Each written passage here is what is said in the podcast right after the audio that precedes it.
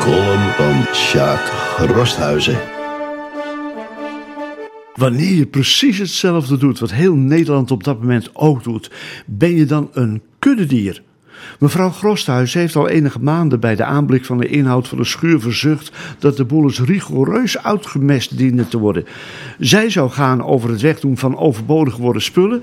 Ik mocht alleen assisteren bij til- en sloopwerkzaamheden. Bij de spullen die ze sorteerde om weg te brengen naar Noppes of naar het uh, grofvuildepot, mocht ik niks meer weghalen om weer te bewaren, tenzij het iets was waarvan zij niet meer kon bepalen van welk belangrijk, juist wel te behouden voorwerp het een onmisbaar onderdeel uitmaakte. Wij zagen in de media dat wij niet zozeer behept waren met een traditioneel voorjaarsschoonmaakvirus, maar ons eigenlijk gewoon aansloten bij iets wat elders uitliep op files en ongewenst uh, met rijen van uh, zich dicht bij elkaar proppende menigte bij bouwmarkten en vuilstortplaatsen. Wij hebben nu in de achtertuin spullen liggen die weggebracht moeten worden. Maar bij ons komt het niet door kuddegedrag, maar omdat we eindelijk de knoop doorgehakt hebben om de schuur aan te pakken. We gaan ook de slaapkamer opnieuw inrichten. De behangspullen hebben we al een maand of twee in huis. En dat veel anderen op dezelfde ideeën komen, met dezelfde argumenten aankomen, ja, daar kunnen wij niks aan doen. En natuurlijk moet ik toegeven dat de signalen die wij, rekening houdend met veilige afstand in de samenleving, oppikten, ook voor mevrouw Groshuizen en mijzelf de uitnodiging bevatten nu maar eens te beginnen met het aanharken van onze eigen woonplek. En hiermee geef ik schoorvoetend toe dat ook wij behoren tot een kudde die de kudde begrijpen en omarmen.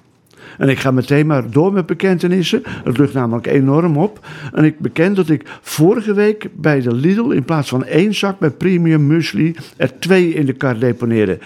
Nou, niets menselijks is bij vreemd dus. Ik ben nog niet zo ver gegaan met verontschuldigingsverhaaltjes dat ik vrienden heb gebeld met de boodschap dat ik net op het punt stond ze eindelijk weer eens met een bezoekje te vereren, maar dat de dringende isoleeradviezen van de afgelopen week daar helaas een streep door hebben gehaald. Ik merk wel dat dit voor ons als pensionado's een unieke kans is financiële reserves op te bouwen voor de tijd na de coronacrisis, wanneer de pensioenfondsen onverbiddelijk overgaan tot het korte. Onze auto kan nog steeds rondrijden op de brandstof die ik vier weken geleden heb getankt. Het scheelt gewoon. Ik heb via de media ook vernomen dat ieder nu naastig op zoek is naar activiteiten om de plotselinge zee van vrije tijd door te kunnen komen.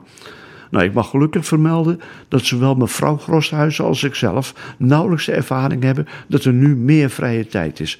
We hebben beide onze liefhebberijen en daarin wordt net zoveel tijd gestoken als voorheen. En dankzij een rustiger levensritme zijn onze dagen er probleemloos volledig mee gevuld. Wel mis ik de politieke verhandelingen in Horen.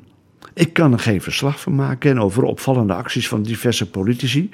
Ik noem de Horense raadsleden heel optimistisch en ter stimulering ook nog steeds politici. Kan ik nauwelijks een, een wekelijkse column vullen. Even ontbrandde er deze week een sprankje hoop. Er zouden vergaderingen kunnen worden gehouden via allerlei technische audiovisuele verbindingen. En dan ook nog met de mogelijkheid voor ons als burgers dat live te volgen. Nou, dat wil ik graag eens meemaken. En ik denk menig raadslid ook. Een volkomen nieuwe manier van vergaderen met allerlei kansen om als allereerste in de Horense geschiedenis iets opmerkelijks in die setting te doen. Uh, wie wordt de eerste aanvrager van een schorsing bijvoorbeeld, waarmee vaak iets anders wordt beoogd dan een welkome plaspauze?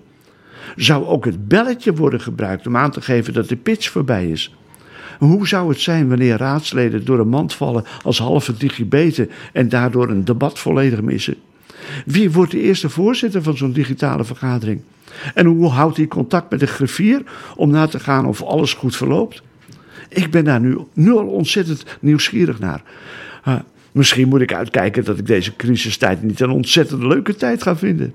Hoewel, uh, daarnet vertelde mevrouw Grosthuizen mij dat we ons heerlijk de tuin gaan opknappen.